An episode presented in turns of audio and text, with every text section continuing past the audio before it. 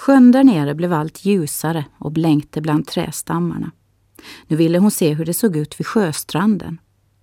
Solen hade glidit mycket närmare horisonten. Sjön glänste som en stor silversköld och på den simmade en hel skog av näckrosblad med de vita blommorna emot ljuset. I vassen låg en mängd vilda svanar som svalkade sig i böljorna. Åh, så vackra vita blommor, ropade den lilla prinsessan och skulle just springa ut på näckrosbladen för att plocka vattenliljorna. Men i detsamma skyndade en svan fram ur vassen. Inte gå på vattnet, inte gå på vattnet, ropade den och sträckte halsen emot prinsessan. Du kan drunkna. Men du kan sätta dig på min rygg så ska jag simma ut bland blommorna med dig. Och då kan du plocka så många du vill. Det tyckte prinsessan om. Hon klev upp på svanens rygg, tog av sig sitt långa pärlhalsband och satte det som en töm om svanens hals. Därefter sköt den ut som en pil genom vattnet. Det sprutade upp på prinsessans bara ben men hon skrattade och tyckte det kändes så friskt och skönt. Och medan de gled förbi näckrosorna plockade hon famnen full av blommor. Mitt ute på sjön låg en holme där det växte stora ekträd och enar. Dit vill jag, sa prinsessan och pekade mot holmen. Där vill jag sitta i gröngräset och fläta mig en krans av alla de vita blommorna. Svanen sköt igenom vattnet och lade sig stilla vid ett par flata stenar varifrån man kunde stiga i land. Prinsessan hoppade ner från ryggen och skyndade sig upp under de skuggiga träden. Men ditt halsband, ditt halsband! ropade svanen efter henne. Det kan du få hålla till minne av mig, svarade prinsessan och vinkade med handen och så tultade hon upp under ekträden. Där satte hon sig i det höga gräset och började binda på kransen. Men det ville inte alls gå bra.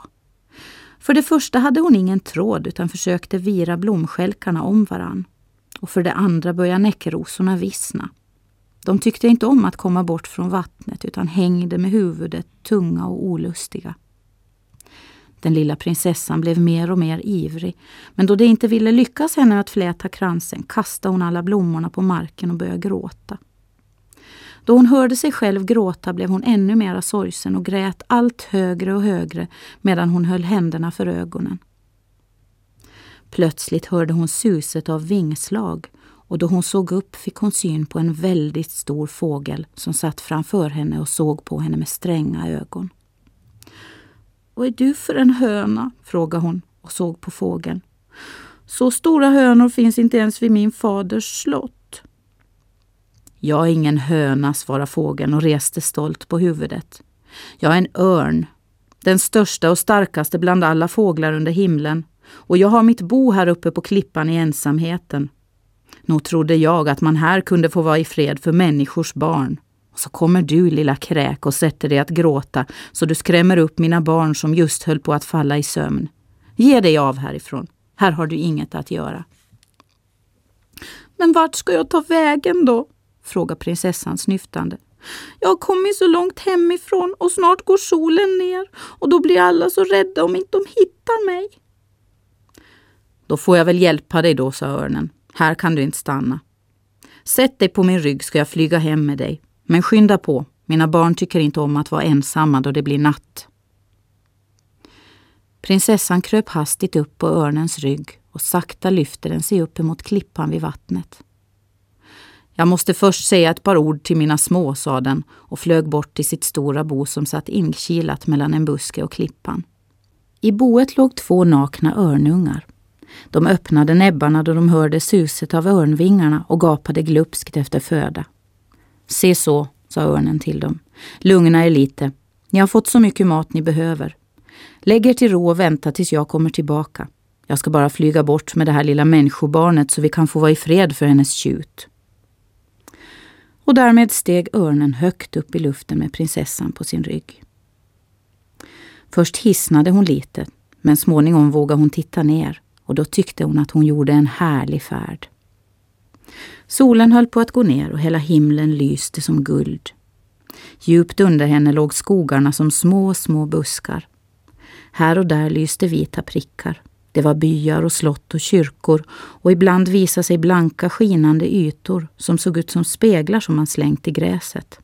Det var sjöar som låg bland skogarna. Luften var så lätt och ren, mycket lättare och klarare än nere vid jorden. Och den lilla prinsessan sträckte båda armarna i vädret och skrek högt av glädje. Ett sånt väsen du får, sa örnen förebrående. Nu får du lov att hålla dig fast, för nu styr jag ner mot jorden. Se, där ligger din fars slott. Prinsessan tittade ner men såg först ingenting alls. Hon tyckte att det bara var en liten, liten leksak som tittade fram bakom skogen. Men snart kunde hon urskilja fyra torn och nu såg hon tydligt att det var hennes fars borg. I svindlande fart styrde örnen sin flykt ner mot parken och nu satte den foten på jorden just vid ingången till den långa allén som förde upp mot slottet. Så där, nu är du hemma, sa den. Och stanna nu vackert hemma och kom inte att oroa oss mer i vår ensamhet. Men vad ska jag ge dig till tack för att du hjälpt mig, sa prinsessan. Hon var smått rädd för den ståtliga fågeln. Jo, nu vet jag, utbrast hon och krängde av sig sitt lintyg.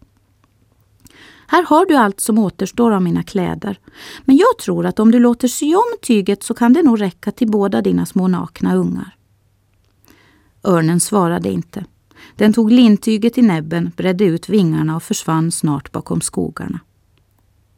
Nu stod den lilla prinsessan spritt naken i sin fars stora park. Hon var så glad att hon hade kommit hem innan det hade blivit riktigt mörkt. Och hon tassade upp genom allén och sen in i en liten granplantering som ledde upp till flygeln där hennes rum fanns. Plötsligt fick hon se någonting lysa bland träden. Vad kan det vara? tänkte hon och stannade. Det var nymånen. En fin späd nymåne som stod på den ännu röda aftonhimlen som en skära av silver. Prinsessan hade aldrig förr varit så sent uppe att hon sett månen och hon tyckte nu att den var så upphöjd och skön att hon neg djupt för den. Ännu några ögonblick blev hon stående för att beskåda den i dess härlighet. Så vände hon om och kilade upp i slottet. Där hade man genomlidit en förskräcklig ångest medan hon hade varit borta. Man hade sökt överallt, i parken, i skogen, på berget och nu satt kungen och drottningen och grät. De trodde ju att de aldrig mera skulle återse sin lilla flicka. Prinsessan öppnade sakta dörren, sprang på sina bara fötter fram över golvet och la sina armar om deras halsar. Se, här kommer jag, sa hon och skrattade.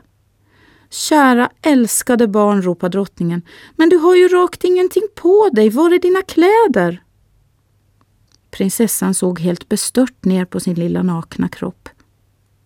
Det vet jag verkligen inte, sa hon förläget. Men ni får inte gräla på mig för jag har haft så förskräckligt roligt.